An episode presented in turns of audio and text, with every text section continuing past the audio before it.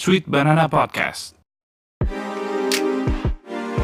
Banana Split seputar lini masa dan internet. Nah, lo tim yang percaya orang miskin kalau kerja bisa kaya atau tim orang miskin kalau kerja tetap miskin?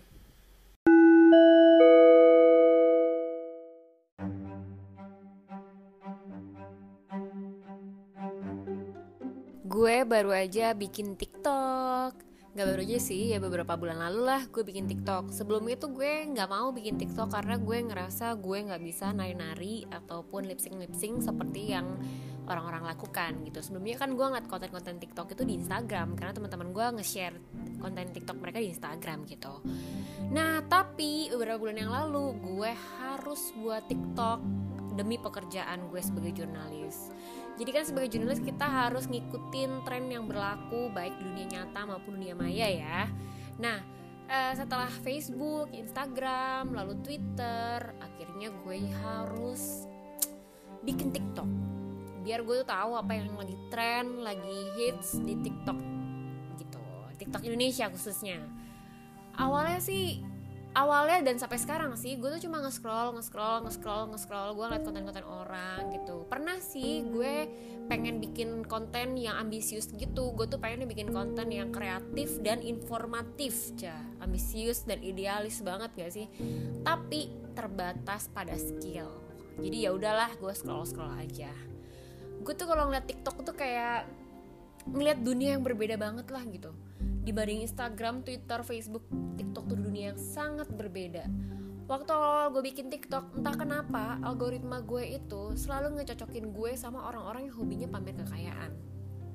Ya nggak salah sih, itu hak mereka gitu. Cuman bagi gue pamer kekayaan itu tuh hmm, apa ya? Kok kayaknya berlebihan gitu. Kayaknya not right aja, not wise gitu, nggak bijaksana. Apa mereka tidak takut dirampok ya kan? Nah anyway ya gue gue melihatlah beberapa konten um, orang-orang yang memamerkan ke kekayaan gitu. Contohnya uh, one day I stumbled upon cie gaya banget sih. One day atau suatu hari gue itu nemu akun yang bernama Siska Cool yang punya adik namanya Aliyah Cool. Nah mereka berdua ini adalah kakak beradik yang tajir abis orang Indonesia. Tajir abis, rumahnya itu gede. Uh, kamarnya itu kalau kamar juga gede kayak istana dari kamar ke dapur aja mereka tuh harus naik lift. Bayangin tajir mampus kan itu mereka pamer. Maksudnya bukan mereka pamer mereka nggak tahu itu di tiktok. Nah konten mereka sih mostly tentang masak masak tapi yang bikin menarik adalah masak masaknya di dalam kamar. Alasannya sih karena ya itu kamar sama dapurnya mereka tuh jauh gitu. Jadi mereka males dan takut. Jadi mendingan mereka masaknya di kamar. Nah masak di kamar alat-alatnya semua dibawa ke kamar. Potong-potong di kamar gitu ada satu konten mereka yang bikin gue tuh kayak ngerasa wow gila gue nggak ngerti sama um, apa ya kebiasaan orang-orang TikTok yang hobi pamer kekayaan ini. Di salah satu konten mereka mereka tuh potong-potong bahan makanan di atas iPad gila nggak lo? Mantep banget gak sih? Kurang memamerkan tajirnya mereka kayak apa coba? iPad yang mahal banget itu yang buat gue sih mahal ya maksud gue ya buat gue tuh cukup mahal banget gitu untuk suatu elektronik lima berapa belas juta gitu kan iPad yang cukup mahal itu dijadiin talenan men. Talenan. Wow kalau gue hari nanti udah kaya pun kayaknya gue nggak bakal sih ngejadiin iPad untuk jadi talenan. Ya nggak nggak esensial aja gitu kenapa harus iPad ya kan? Dari semua barang yang ada di kamar gitu misalkan lo ada ada kotak apa lah ya kotak sepatu lah gitu atau kotak kotak makeup deh gitu. Kenapa lo nggak pakai itu aja? Atau buku gitu. Kenapa iPad man? Anyway uh, melihat tingkah laku orang-orang yang hobi pamer di TikTok ini dan ternyata di YouTube juga banyak ya artis-artis kita gitu ya pamer-pamer kekayaan. Kadang tuh gue mikir apa ya rasanya jadi orang-orang miskin yang uh, melihat konten-konten seperti itu gitu. Mungkin nggak ya? Gue tuh langsung kayak berpikir mungkin nggak ya satu hari nanti ada gitu orang miskin yang menciptakan uh, apa perjalanan hidup dia untuk jadi kaya akhirnya jadi kaya dan akhirnya bisa pamer kekayaan seperti orang-orang ini gitu. Ada sih orang-orang di sekitar gue gitu ya. Banyaklah orang yang di sekitar gue dan mungkin di Indonesia juga banyaklah orang yang berpikir bahwa um, orang miskin jadi kaya itu bisa asal mereka mau kerja keras gitu kan. Orang miskin jadi kaya itu bisa asal mereka tuh mau kerja keras lebih keras gitu. Atau mereka mau lebih rajin gitu cuma orang-orang yang malas aja yang miskin. Kalau mereka berusaha dan bekerja mereka pasti bisa kayak. Gitu nggak sih? Kalian sering nggak sih denger-denger narasi seperti itu? Nah gue adalah salah satu orang yang dulu berpikir seperti itu. Honestly dulu gue berpikir bahwa orang-orang miskin itu tetap jadi miskin karena mereka nggak rajin kerja. Mereka itu males karena mereka nggak mau kerja lebih padahal mereka bisa kaya. Dulu gue berpikir seperti itu. Itu dulu. Sekarang gue punya pandangan yang berbeda nah sekarang gue udah bareng Andre Arditya jurnalis politik masyarakat atau society politics ya mas. Bener ya? Jangan sampai salah lagi nih gue. Ya jadi dari the conversation kalian mungkin taunya akhir-akhir ini eh bukan akhir-akhir ini ya mungkin kalian saat ini baru tahu ada media tuh detik kompas.com atau kumparan. Tapi tahukah kalian ada sebuah media bernama the conversation? Jadi the conversation ini um, sebuah media yang mempublish um, berita-berita yang dibuat oleh apa istilahnya saintis, akademiks itu apa sih akademiks tuh kayak uh, dosen, peneliti kayak gitu. Jadi menurut gue ya berita-berita di conversation ini berbobot banget ya mas Mas Andre ya. Cukup berbobot dibandingin berita berita-berita yang seliweran. Lo setuju gak? Lo harus mempromosikan dulu di conversation nih mas. uh, Sebenarnya mungkin bukan berita sih ya, tapi karya tapi disebut karya jurnalistik lah bisa uh, berbobot um, lebih lebih karena mungkin lebih karena semua tulisan di The Conversation itu ditulis sama yaitu tadi akademisi atau peneliti. Jadi tulisan-tulisan di The Conversation itu mereka yang nulis uh, para akademisi, para peneliti, dosen atau uh, profesor kadang-kadang. Kalau nulis mereka tugas lo apa dong mas?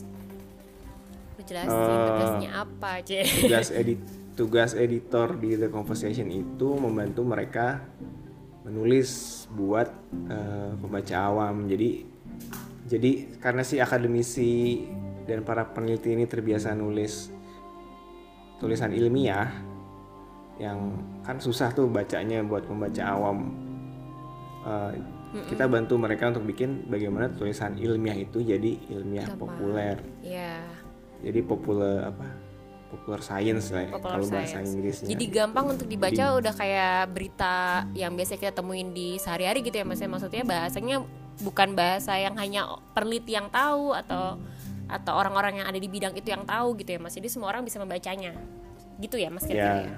Iya gitu. Nah salah satu Jadi, hasil karyanya Mas Andre bersama peneliti itu adalah soal kemiskinan struktural waktu itu gue pernah baca artikel ya mas ya tentang kemiskinan struktural yang berjudul tararararara. Sebentar gue lupa.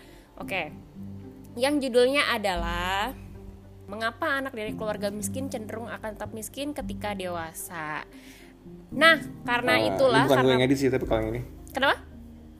Ini bukan gue yang edit oh ini bukan lo yang edit oh, tapi lo tahu dong. bukan gue yang edit. tapi karena di bawah ya, ini tahu dong Nah, Mas Andre ini kan kenapa sih gue ngundang lo? Karena um, lo kan ber, ber, bergelut di politik masyarakat itu ya.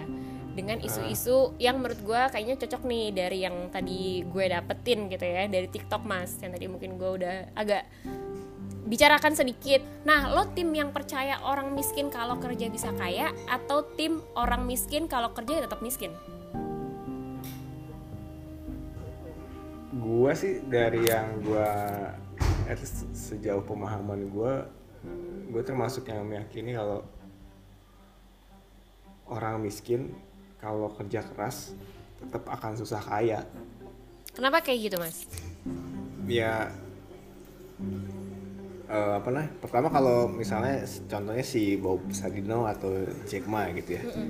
Uh, kenapa kita bisa tahu nama mereka? Karena mereka terkenal kan. Mereka terkenal kenapa? Karena mereka orang kayak gitu jumlahnya sedikit gitu kan. Orang kayak uh, gitu tuh maksudnya bukan, kayak gimana mas? Ya orang yang dari yang berangkat dari bawah banget tuh sekarang ada di atas banget jumlahnya sedikit kan berarti. Mm, mm, mm, mm, mm. at least dari at least dari pengamatan sederhananya aja. Mm, mm, mm. nah kalau gua yang dari gue pahami tuh eh, keluar dari jerat kemiskinan tuh nggak semudah yang banyak orang kira gitu. Karena kemiskinan tuh membatasi akses terhadap berbagai kesempatan. Eh, misalnya misalnya nih eh, kemiskinan tuh membatasi anak-anak di keluarga miskin untuk mendapatkan pendidikan dan pelayanan kesehatan gitu. Padahal eh, at least dari dari riset-riset yang udah dilakukan dua hal ini yang paling penting untuk eh, yang paling yang paling berpengaruh dalam dalam memperbaiki si kondisi ekonomi mereka gitu Hmm. jadi Pendidikan eh, dan kesehatan ya mas ya. mm-mm, pendidikan dan kesehatan. Kesehatan sih kayaknya yang pertama. Oke. Eh, jadi kalau di analoginya itu adalah perbedaan kesejahteraan antara keluarga miskin sama keluarga berada atau keluarga kaya itu membuat anak-anak mereka tuh eh, nggak nggak tidak berada pada garis start yang sama gitu loh. Hmm. Jadi posisi startnya si anak-anak miskin dan posisi startnya si anak-anak keluarga mampu tuh udah beda gitu. Eh, kalau misalnya dari ininya aja deh dari pas mereka kecil gitu. Si anak-anak yang lahir dari keluarga mampu kan punya peluang yang jauh lebih besar gitu untuk memperoleh pendidikan yang yang apa istilahnya tuh pendidikan non formal jadi pendidikan yang enggak yang enggak bukan pendidikan yang biasa-biasa aja gitu sekolah di sekolah bagus sekolah dengan kurikulum yang bagus Fasilitasnya gitu. lengkap sekolah gitu yang ya, Mas? sekolah yang fasilitasnya bagus sekolah dengan sekolah dengan berangkat sekolah perut kenyang gitu sekolah dengan eh, nutrisinya baik gitu Hmm. dari situ aja kan udah udah startnya udah beda gitu loh udah jauh gitu ya itu ya dari awal dari iya dari awalnya itu makanya makin ke sana ya makin jauh gitu Iya. Sedangkan Akumulatif mungkin gitu, misalnya gap- yang orang gapnya. miskin itu anaknya em, sarapan aja enggak misalnya ya. Sarapan aja Hmm. enggak. Terus ketika mau ke sekolah harus menempuh misalkan 2 kilo dulu jalan kaki atau sekilo jalan kaki. Paling enggak sekilo tuh lumayan jauh ya sekilo sekilo jalan, jalan kaki ya. Sekilo nggak ada public eh, transportasi publik gitu. Orang tuanya nggak punya motor buat nganterin jalan kaki mengarungi sungai. Yang ekstrim tuh kalau Indonesia mungkin mengarungi sungai atau melewati jembatan yang mau putus ya itu ekstrim banget tuh di Indonesia. Terus yang ketiga sampai sana sekolahnya ya sekolah yang ada seadanya aja gitu, yang mungkin fasilitasnya juga em, seadanya gitu. Jadi ketika dia mau mulai sekolah aja udah capek, udah mungkin konsentrasinya udah eh, terambil, maksudnya karena capek lelah, udah nggak bisa kon- konsentrasi, konsentrasi 100% kayak gitu ya mas kira-kira ya mas? iya bisa ya, ya itu satu faktor juga kan satu sisi gitu Mm-mm-mm-mm-mm. Tapi soal eh, soal kemiskinan ini istilahnya kemiskinan struktural atau bukan jatuhnya? Bukan. ya, ya iya Eh, karena apa namanya situasi kerangka besarnya yang menyebabkan em, mereka ada di situ mereka susah keluar dari situ gitu. Eh, ya gitu lah istilahnya struktural apa lawan katanya kemiskinan bukan struktural tuh Lawan kata apa? lawan katanya kalau yang bukan struktural tuh apa? non struktural apa? kultural kultural kultural bukan Eh, iya kayaknya iya. Jadi kan Oh, iya, iya, kalau si si kemiskinan struktural kan jadi eh, masalahnya bu- bukan karena bukan karena si si anak atau si keluarganya ini nggak mampu untuk berusaha kan mereka bisa berusaha cuman sistem dan si si struktur sosial yang ada eh, nggak nggak menyediakan kesempatan-kesempatan yang memungkinkan itu nggak menyediakan kesempatan-kesempatan yang membuat mereka bisa eh, berada at least di garis start yang nggak terlalu jauh lah. Mungkin nggak mungkin nggak sejajar tapi nggak nggak jauh gitu. Mm-mm. itu itu penyebabnya bukan di bukan di merekanya gitu tapi di sistem di struktur sosial. Mm-mm. Mas, em, gara-gara tadi lu ngajak gue eh karena, karena tadi lu nanya sama gue lawannya kemiskinan struktural tuh apa? Gue jadi nge-google kan? Tapi ada kemiskinan eh, kultural mas. Ini sebenarnya eh, gue mau menarik agak apa ya gue menarik benang dari kemiskinan kultural dari yang gue baca kemiskinan kultural itu adalah kemiskinan yang disebabkan karena kultur yang kurang positif. Jadi kayak kebiasaan-kebiasaan di sekitar yang mungkin em, kurang positif jadi mungkin ngerasa nyaman aja dengan keadaan yang miskin misalkan kayak gitu. Menurut gue itu, itu merupakan pola pikiran banyak orang di dunia ini bukan dunia lebay. Di di paling nggak di sekitar gue mas. Di sekitar gue di media sosial gue sering kayak teman-teman gue yang kayak ngomong "Em, ya mereka nggak mau kerja mereka miskin makanya mereka nggak bisa kaya nggak nggak kaya gitu maksudnya. Atau misalkan ngomongin ini deh em, orang-orang yang tinggal di pinggiran eh, bantaran kali gitu ya masih di Jakarta gitu ya. Ada yang kayak ngerasa karena mereka em, mereka miskin mereka nggak nggak apa ya mereka nggak nabung makanya mereka nggak nggak bisa pindah dari rumah dari tempat itu gitu. Terus ngomongin buruh juga kadang ngomong kayak gitu buruh itu kalau ada gaji dipakai buat beli rokok makanya mereka nggak kayak kaya. Makanya sekarang nuntut-nuntut mulu kayak gitu gitu loh mas. Lo tau lo sering nggak sih dapat membaca narasi-narasi seperti itu? Jadi mereka orang-orang tuh mendasarkan itu pada keyakinan atau pada teori kemiskinan kultural. Balik ke yang tadi lo bilang dulu aja yang eh, sering sering nggak sih lo merasa orang-orang tuh eh, apa namanya menimpakan kemiskinan tuh pada pada orang miskinnya gitu. Ya, mereka miskin karena mereka nggak mau kerja keras mereka miskin karena mereka salah eh ma- ma- mereka malas gitu. S- lo bilang eh, lo sering ngeliat kayak gitu gitu kan? Sering ya membaca orang dan ngomong it- gitu. Itu ya perasaan perasaan orang sering banyak ngomong gini deh gitu kan eh, lo bilang gitu kan. Dan dan itu bukan perasaan lo doang gitu. Emang ada risetnya. Riset risetnya emang bilang bahwa eh, apa namanya emang sebagian besar orang di Indonesia eh, punya anggapan itu punya anggapan bahwa lo tuh kalau sukses ya bergantung pada kerja keras lo sendiri gitu. Mm, mm, mm. Ya itu itu bukan cuma perasaan lo gitu emang ada emang itu emang emang orang-orang emang risetnya ya di gitu, Indonesia gitu. ada ya mas ya itu ternyata risetnya iya emang emang itu pandangan yang pandangan yang prevalen Iya iya ya iya, yang umum, lazim gitu ya Mas ya. Tunggu tuh.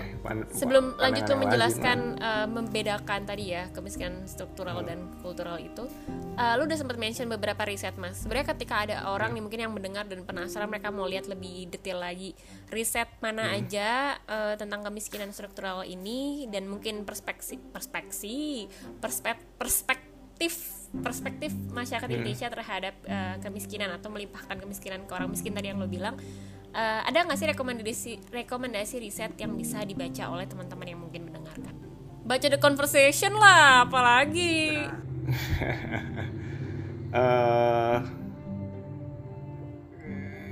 gue bisa ya gue bisa aja ngasih ngasih risetnya. Kayak misalnya nih ada ada nih riset eh, yang melakukan si penulis si penulis utamanya adalah Jonathan Jonathan Mish dia dari eh, University of eh dari Harvard University eh, di Amerika. Dia melakukan riset tahun 2000 berapa nih? 2016 apa 2017 gitu. Judul risetnya nih. Eh, judul risetnya nih. How information about economic inequality impacts belief in meritocracy evidence from survey experiment in Australia, Indonesia, and Mexico. oke Jadi, berarti Indonesia juga. eh, eh, eh, jadi belief in meritocracy ya bahasanya dia tuh. Jadi Hmm. eh, itu yang lo tadi bilang pandangan bahwa kesuksesan itu adalah buah kerja keras. Belief in meritocracy.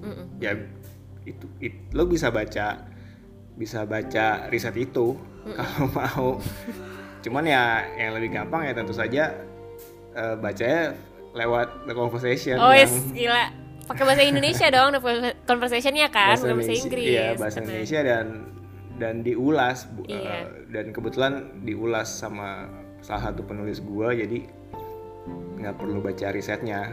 itu Udah- menarik ya teman-teman tapi gue highly disarikan. highly recommend kalian untuk eh, sering-sering buka the conversation karena gue sering banget kayak dapat insight yang bikin gue ngerasa pinter gitu. Pinter. Dengan baca the conversation. Karena nggak nggak sulit untuk bikin kita tuh kayak tahu sebuah riset tanpa sulit tanpa membacanya dengan sulit-sulit gitu. Apa sih? Gue ngomong apa sih? Tanpa membacanya dengan susah payah. Karena kan biasanya kalau baca riset itu kan kayak apa sih? Ini ada istilah yang terlalu teknis banget ada istilah yang terlalu bingungin. Nah di, di the conversation itu bacanya tuh enak banget. Nah salah satunya adalah yang soal kemiskinan ini kita balik lagi lah mas ke membahas soal itu soal ternyata ada riset em, eh, maksudnya tadi lu bilang bahwa Indonesia orang Indonesia tuh mostly melihat bahwa kekayaan itu adalah hasil dari kerja keras gitu. Jadi mereka mereka memahami bahwa ke- kemiskinan itu ya buah dari suatu kultur atau sebuah habit gitu. Itu memang secara scientifically eh, proven atau sebenarnya itu hanya pandangan masyarakat aja Iya, maksudnya eh, apa namanya si si riset itu lebih lanjutnya eh, menjelaskan gini. Jadi eh, pandangan ini, pandangan bahwa kenapa sebagian besar orang eh, memiliki pandangan bahwa kesuksesan itu eh, bergantung pada kerja keras. Kenapa? Kenapa banyak orang berpendapat bahwa kesuksesan itu adalah buah dari kerja keras seseorang gitu.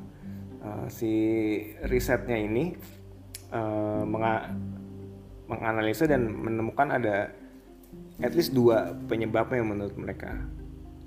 Ja- eh, jadi eh, penyebab pertamanya adalah bukan eh sorry bukan bukan bukan penyebab ya kemungkinan penjelasan jadi eh, ini bahasanya bahasa ini banget ya bahasa bahasa saintis banget mungkin ini penyebabnya dia nggak dia nggak bilang ini pasti penyebabnya nggak Oh dia iya iya. bilangnya, iya. mungkin Tapi itu itu saintis banget ya kan penyebabnya." kalau saintis itu kan apalagi di sosiologi kan nggak bisa kayak so- Iya. solid gitu ya mas penyebabnya adalah Iya, ini iya, gitu kan nggak iya. nggak boleh ya. Iya. Bener bener bener bener. Oke. Ya. Mungkin penyebabnya apa mas? Ya pertama s- masyarakat Indonesia memiliki perspek persepsi yang tidak tepat terhadap terhadap ketimpangan yang terjadi. Jadi gini, eh, maksudnya adalah ada ini ada gap nih antara masyarakat miskin dan eh, masyarakat mampu di Indonesia. Eh, sebagian orang tahu lah gitu kan. Ya, ya emang memang ada gap itu cuman mereka tuh nggak mereka tuh eh, nggak ini nggak nggak nggak nggak secara tepat memperkirakan seberapa jauh gapnya gitu. Menurut menurut mereka se seininya mereka Semampunya mereka berpikir nggak- gitu ya mas. eh, menurut ini, ini ini apa namanya pikiran awal mereka Mm-mm. gapnya tuh sedikit gitu loh gapnya tuh nggak jauh gitu kalau lo mau usaha dikit ini gap bisa bisa lo, lo lewati dengan mudah kok gitu Iya iya iya. padahal kenyataannya gapnya tuh jauh banget gitu cuman orang ngiranya gapnya tuh sedikit gitu orang ngeri, ngiranya jaraknya pendek padahal gapnya tuh jauh banget Maksudnya gini mas, Eh. eh, mungkin mu- mungkin gue eh, mau memberikan contoh supaya lebih jelas kali ya. Maksudnya Hmm. perspektif orang-orang, kebanyakan orang itu ngerasa bahwa gap antara em, kemiskinan dan kekayaan tuh kecil gitu. Dengan Hmm. kerja keras mungkin dua kali atau tiga kali lipat lebih keras, Hmm.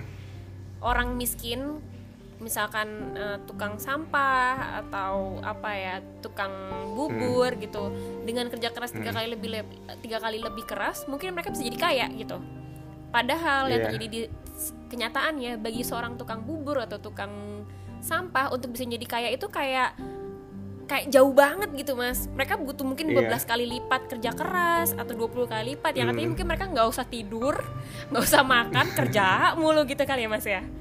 Maksudnya iya. itu karena ya orang tidak bisa membayangkan bahwa gap ke kekaya kaya dan miskin itu segitu jauhnya gitu kan? Iya persis. Dan dan omongan lo ini barusan di verify sama World Bank dalam temuannya mereka tahun 2015. Apa Jadi emang ada mereka nyebutnya mispersepsi. Jadi ada mispersepsi tentang gap. Mereka nggak eh, orang-orang Indonesia pada umumnya nggak bilang gapnya nggak ada, cuman mereka gagal gagal mengukur gapnya dengan tepat aja. Jadi kegagalan kegagalan ini, jadi si masyarakat Indonesia nganggapnya ketimpangan yang ada tuh nggak nggak selebar ketimpangan yang sebenarnya. hmm. Jadi eh, akibatnya adalah masyarakat Indonesia jadi jadi berpikirnya sebenarnya eh, kesempatan untuk su- sukses tuh eh, lebih lebih merata gitu. Hmm. Sebenarnya kesempatan untuk sukses lebih merata. Hmm, hmm, hmm, Itu anggapan mereka karena mereka punya, punya mispersepsi itu in the first place gitu. Jadi terus ketika ketika orang melihat bahwa enggak kok eh, garis startnya kurang lebih sama kok buat kita kita gitu. Kalau ke- ketika ketika garis startnya dianggap kurang lebih sama, berarti kan yang menentukan apa keberhasilan lo, yang menentukan ya kerja keras lo gitu. Makanya maka itulah makanya kemudian timbul eh, belief in meritocracy itu kalau bahasa bahasanya si Jonathan Miz yang dari Harvard keyakinan bahwa iya emang kerja kalau kerja keras lo yang menentukan kesuksesan lo kesuksesan lo. Itu penyebab pertama. Kemungkinan penyebab pertama. Kemungkinan kemungkinannya harus ditekankan. Kemungkinan penyebab pertama baiklah. Ya terus ada lagi yang kedua adalah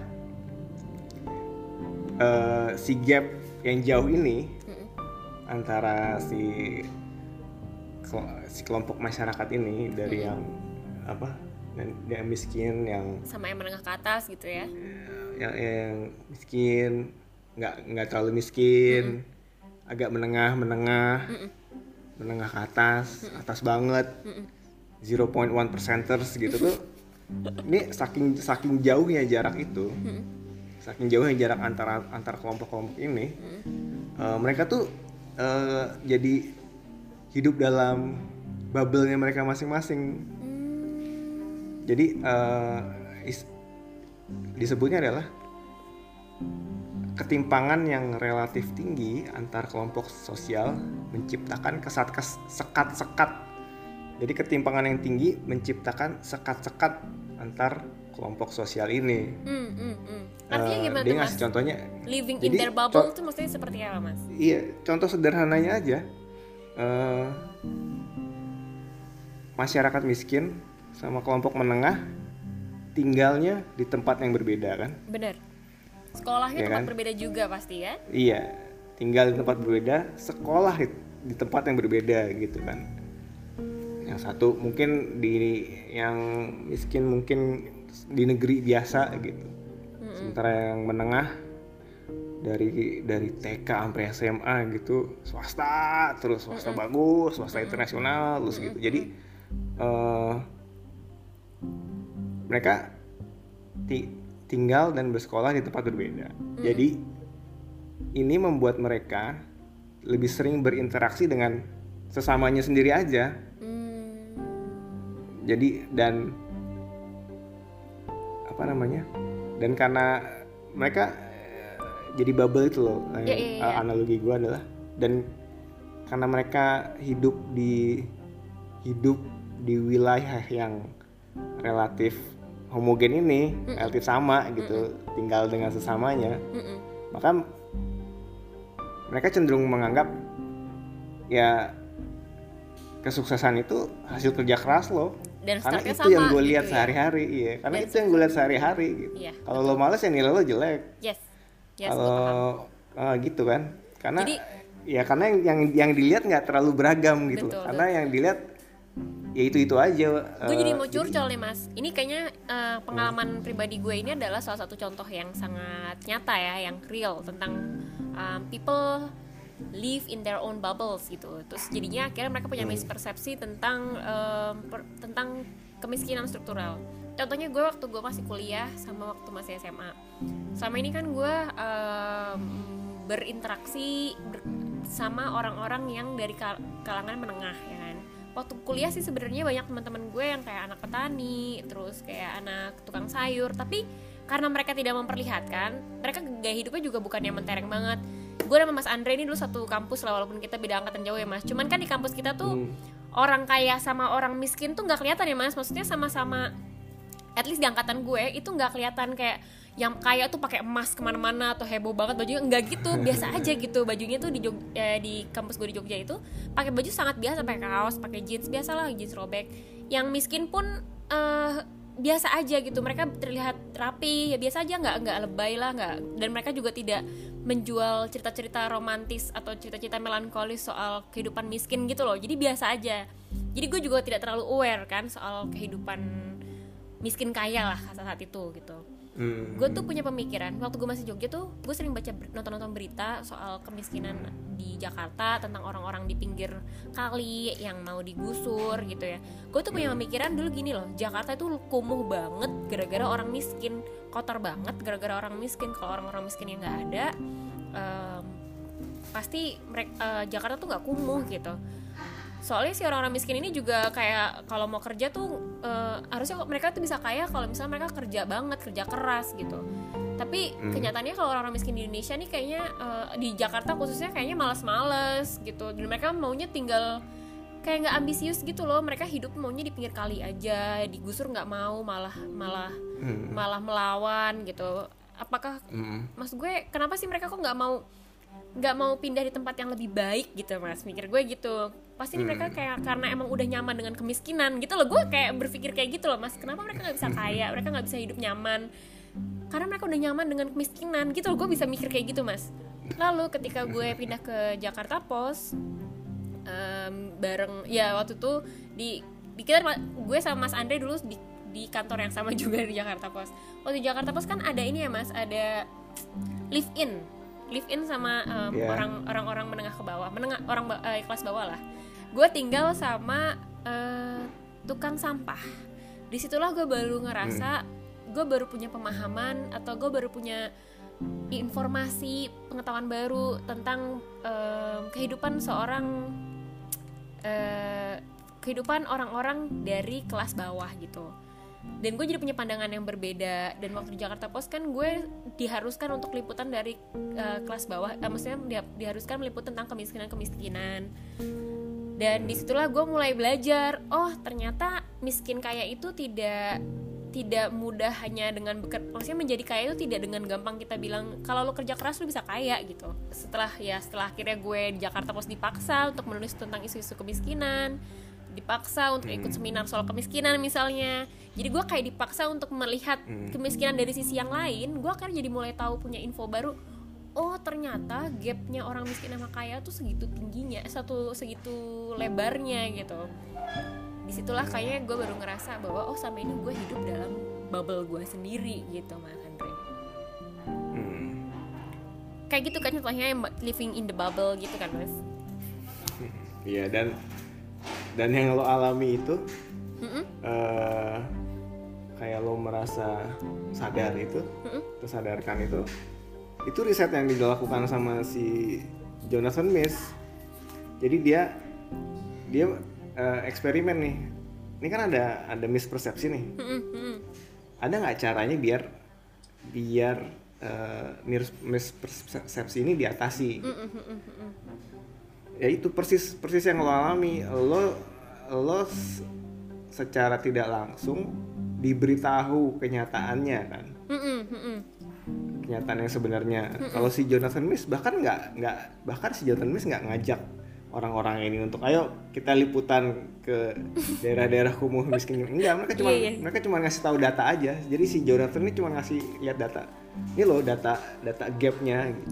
dan semudah itu orang-orang yang pertamanya mispersepsi pandangannya agak berubah agak agak agak tersadarkan lah istilahnya gitu. Jadi eh, memang ya informasi eh, lebih karena ya, ses- sesederhana informasi kecil aja bisa membuat membuat orang persepsinya berubah sedikit sih. Kalau di kasusnya Jonathan karena dia cuma nunjukin data cuma ngasih tahu orang udah berubah sedikit persepsinya Eh, apalagi lo yang ngalamin sendiri ngeliat sendiri gitu kan Eh, mengalami sehari-hari melihat sehari-hari selama bertahun-tahun gitu Tapi menurut gue lo niat sekali ya untuk untuk untuk podcast gue yang ecek-ecek ini sudah men- mencari riset-risetnya mas. Thank you banget loh. ya kebetulan kebetulan itu semua ada di satu tulisan yang gue edit Hmm, hmm, hmm, hmm. jadi emang ya, ya itu kalau lo baca the conversation ya gitu ada ada link-link ke riset-risetnya cuman lo nggak perlu nggak perlu ngikutin link tersebut bisa baca di artikel utamanya aja cuman kalau mau baca bisa. Hmm. karena di pas di disertakan linknya ya itu kalau lo mau baca risetnya beneran ada gitu ya memang. Dan laporan-laporannya ada gitu. Tuh makanya teman-teman kalau mau pakai kalau mau ngerasa kayak gue, ngerasa pinter, ngerasa doang, pinter mungkin enggak, tapi ngerasa pinter baca tuh eh, artikelnya ada conversation, sangat insightful gitu. bukan untuk merasa pinter sih lebih ke mengekspos ke informasi yang mungkin Betul selama betul sih. Yang tahu. mungkin kita jarang temui di di di media lain gitu ya mas ya. Mas by the way gini, em, gue itu kan dat gue waktu lahir sih mungkin keluarga gue udah udah kelas menengah ya. Tapi gue sering denger tuh nenek, eh, dari nyokap bokap gue gitu ya. Nenek sama kakek gue tuh dulu kayaknya miskin banget dan dari keluarga yang miskin. Dan zaman dulu kan Indonesia kan ya emang belum jadi negara yang seperti sekarang kan ya. Jadi kayak orang-orang tuh punya anak banyak gitu ya. Kayak yang gue atau yang buyut gue tuh punya anak banyak sampai yang kayak makan telur tuh satu buat bersepuluh atau bertujuh satu telur gitu mas. Buat bersepuluh bertujuh gitu makannya. Artinya kan kalau dari pandangan gue sekarang lu miskin banget gitu ya kan mas. Tapi terus em, sekarang anak-anak cucu-cucunya ah, ya kayak gue jadi jurnalis eh, bisa makan satu sehari telur tiga telur dua indomie dua pakai telur dua gitu kan. Atau em, anak-anaknya yang gue tuh jadi ya jadi insinyur jadi jadi orang lah kasarnya. Kalau orang Indonesia bilang jadi orang gitu. Hmm. artinya kan orang miskin tuh bisa kaya juga kan mas? Nah em, Mm-mm. gimana pendapat lo soal itu? Bahwa ternyata orang miskin tuh juga bisa kaya gitu mas? Tapi emang Iya, sih eh, harus bergenerasi dulu sih mas. Maksudnya yang gue kayaknya masih ngalamin makan gak enak gitu. Iya eh, kayak kayak yang gue bilang tadi di awal gue gue gue tim eh, orang yang termasuk yang sejauh sejauh pengetahuan gue Mm-mm. eh, orang miskin itu su- sulit untuk menjadi kaya jadi bukan bukan nggak mungkin Hmm. tapi sulit Mm-mm. eh kalau lo bilang tadi kan lo sebut generasi generasi gitu ya ini zamannya yang lo eh, kalau kita lihat data di BPS Mm-mm. Badan Pusat Statistik jumlah penduduk miskin di Indonesia walaupun walaupun apa fluktuatif Mm-mm. tapi terus menurun Hmm. misalnya tahun 70-an tuh jumlah penduduk miskin di Indonesia itu 30% dari populasi. Terus tahun 80-an turun jadi 20-an persen. Mm-mm. Tahun 90-an bahkan pernah 11 persen eh, jumlah penduduk miskin eh, di Indonesia. Tapi ini eh, tahun tahun kalau tahun 96 sih gue nggak yakin lo seberapa percaya lo dengan rezim orde baru ya. Mm. Tapi eh, kita husnuzon aja lah ya. Iya iya iya iya iya. iya. Nah, di di 10 tahun terakhir nih, persentase orang miskin tuh ada ada di antara angka 10 sampai 14 persen. Jadi orang miskin saat ini kira-kira 11-12 persen dari populasi. Tahun 70-an itu 30 persen dari populasi. Jadi ini eh, eh, jelas artinya orang-orang miskin tuh bisa berubah tidak miskin. Tapi yang dibutuhkan bukan bukan kerja keras mereka. Yang dibutuhkan adalah kebijakan-kebijakan skala besar, kebijakan-kebijakan jangka panjang yang dilakukan pemerintah. Mm, mm, mm. Ya bisa mereka bisa nggak bi- bisa mereka jadi nggak miskin, tapi ya itu butuh berapa? 30 tahun dari tahun 70-an. Mm-mm. Mm-mm. tahun 70 tuh tahun 70-an tuh 50 tahun yang lalu gak sih? Iya kan 50 Eh, yang tahun yang lalu. yang gue mungkin kalau angkatannya nyokap bokap gue ya berarti tahun 60-an mas tahun 60-an Iya, 60-an. Iya. 50-an ya benar-benar Mm. benar-benar Ya bisa. Apakah mereka bisa jadi orang mampu? Bisa. Mm-mm. Cuma bukan nggak bisa dari kerja kerasnya mereka aja yang lebih yang lebih berperan besar ya itu kebijakan-kebijakan skala besar dan jangka panjang. Lo udah ngomongin soal kebijakan-kebijakan besar dan jangka panjang yang harusnya jadi solusi supaya orang-orang yang miskin ini bisa kaya kan mas. Nah, apakah itu adalah satu-satunya solusi ataukah salah satu solusi supaya orang-orang miskin bisa terangkat kondisi hidupnya secara finansial? Harusnya sih gue cukup pede untuk bilang itu satu-satunya cara ya untuk eh, kalau bahasa orde barunya nih mengentaskan kemiskinan. Hmm, Itu bahasa apa? Orde baru. Orde, orde baru. Gue udah denger itu dari gue SD tuh mengentaskan pengis- kemiskinan. Sumpah zaman orde baru gue gak inget apa-apa mas Ketahuan lah katanya gue gak inget apa-apa Gue cuma inget gue pulang TK disuruh pulang cepet-cepet sama nyokap bokap gue tahun 98 Udah itu doang gue ingetnya Udah Ken- eh, iya, kenapa gue kenapa menurut gue harusnya gue yakin itu satu-satunya jalan karena yang ngomong bukan gue sendiri yang ngomong banyak pakar. Hmm, hmm. yang ngomong UN yang ngomong World Bank. Hmm, hmm, hmm, misalnya nih eh lo tahu Sustainable Development Goals? Ya Kan. SDGs Gila Itu Gue tutup mata nih barusan. Itu soalnya eh, Pembahasan liputan gue Beberapa bulan yang lalu Waktu gue masih di kantor lama Dan itu kayak SDGs tuh paling Banyak kan Iya. Dan kayak Eh, iya. menurut gue sih abstrak banget untuk saat ini di, di tingkat Indonesia mas. Mas gue di tingkat Indonesia karena kayak langkah pemerintah untuk SDGs itu gimana sih? Anyway tapi lo bisa jelasin gak sih ke yang dengar SDGs itu apa sih mas? Sustainable Development Goals itu? Secara gampang. gue itu kayak ini kan kayak apa sih? Tujuan besar ya mas ya? apa sih UNFCCC gitu nggak sih Iya kok kalau eh, mungkin gini kali kak. Kalau gue sih memahami itu adalah itu tujuan besar PBB untuk seluruh dunia untuk mengangkat apa sih istilahnya kesejahteraan seluruh dunia gitu dan ada poin-poinnya ada ada berapa sih mas ada Iya. 20-an ya? 17 Ah 17 ya ada 17 poin eh, yang jadi tolak ukur em, tujuan menuju kesejahteraan lah gitu gak sih mas? Lebih- pokoknya yang pokoknya yang ada dalam pembukaan UUD 45 lah cuman bahasanya modern Oh gitu baiklah. ya kan kali sederhananya sila Bener, bener, bener. keadilan sosial keadilan sosial bagi seluruh umat manusia tapi Betul, bukan betul. rakyat Indonesia nah itu kan disusunnya rame-rame oleh negara-negara terus mereka punya target gimana cara mencapai ke sananya gitu kan. Eh, dari dari road roadmap yang dibikinin sama si UNS Cup aja jadi ini untuk untuk Asia Pasifik nih kayaknya kami menyarankan eh, jalan yang kalian harus tempuh tuh ini gitu Hmm.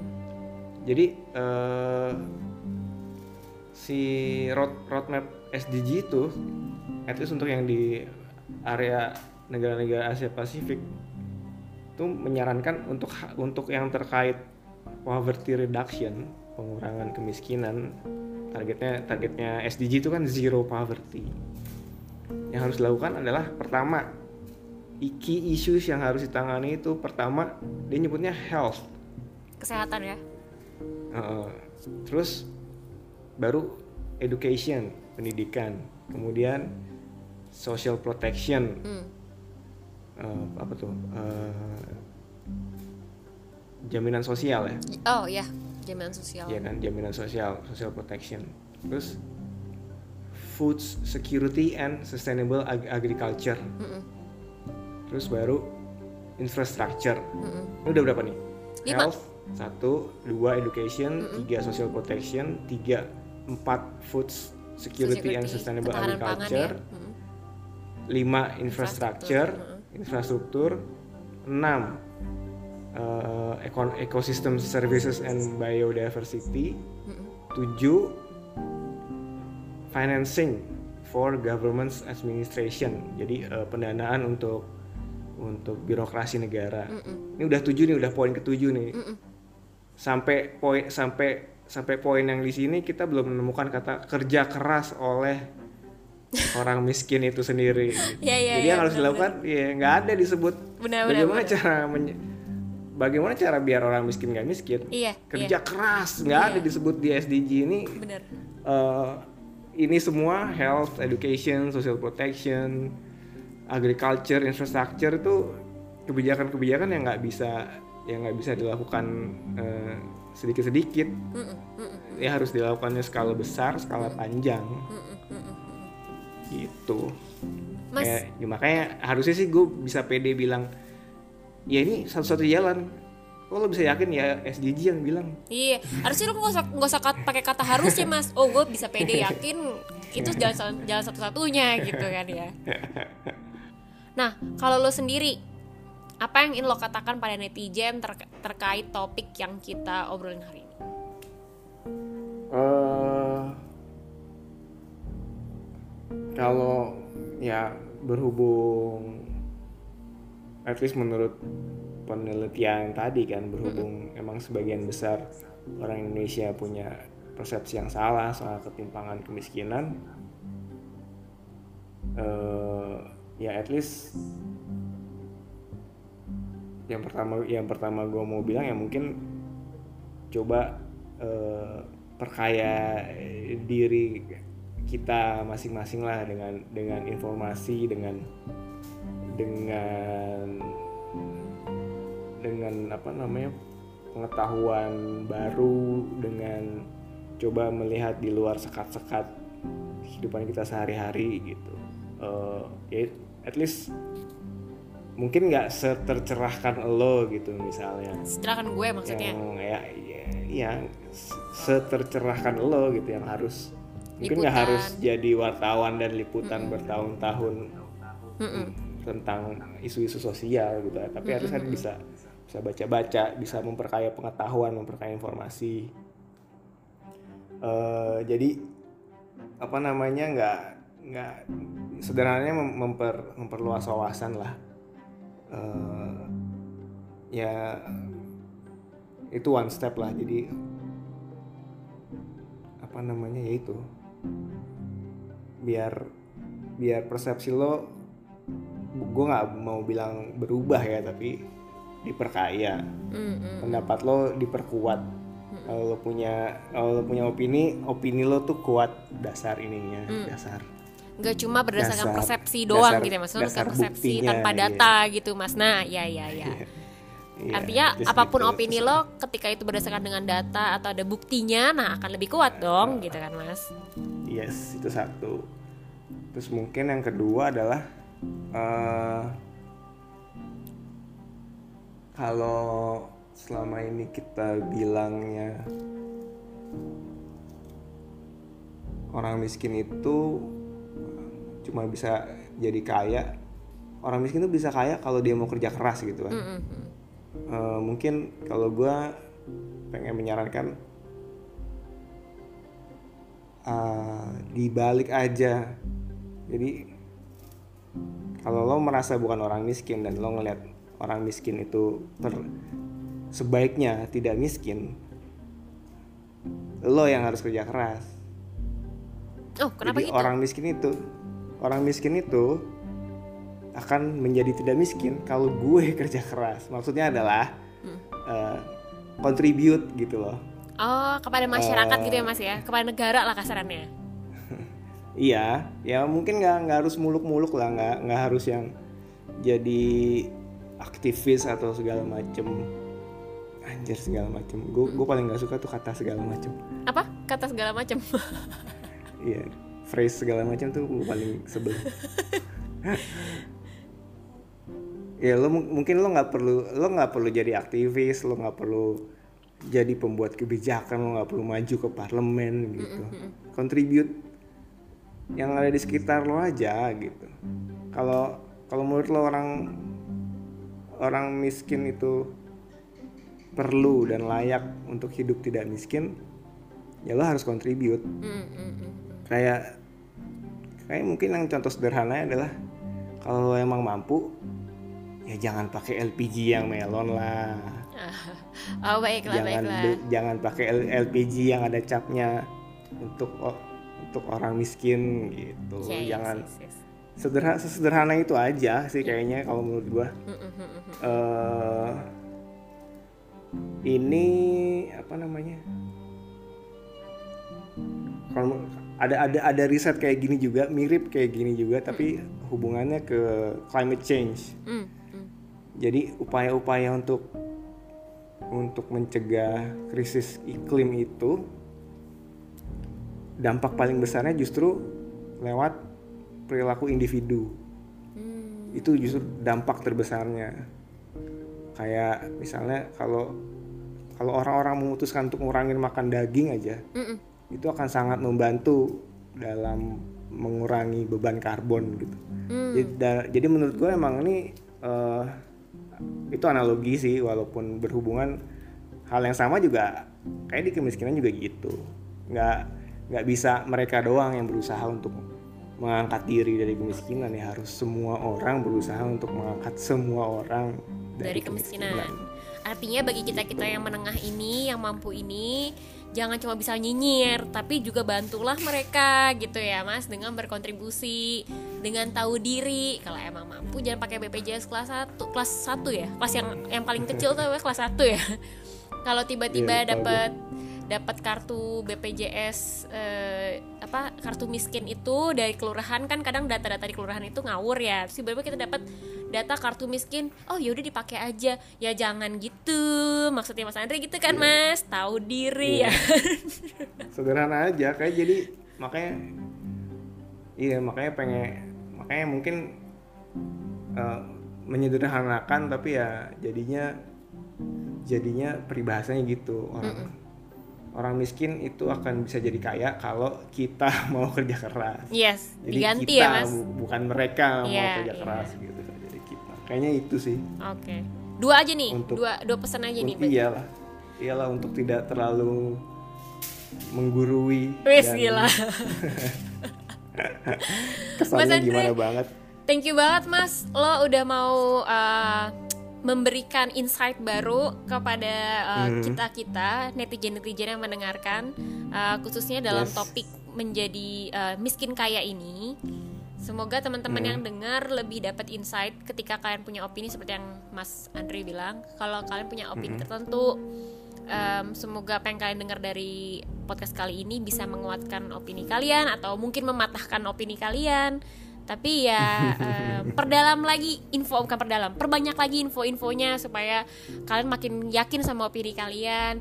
Baca The Conversation karena banyak info-info menarik. Gue promosi terus ya kan. theconversation.com Iya, theconversation.com jangan lupa dibaca. Sampai ketemu di em, episode Banas Split podcast berikutnya. Thank you Mas Andre. yuk sama-sama bye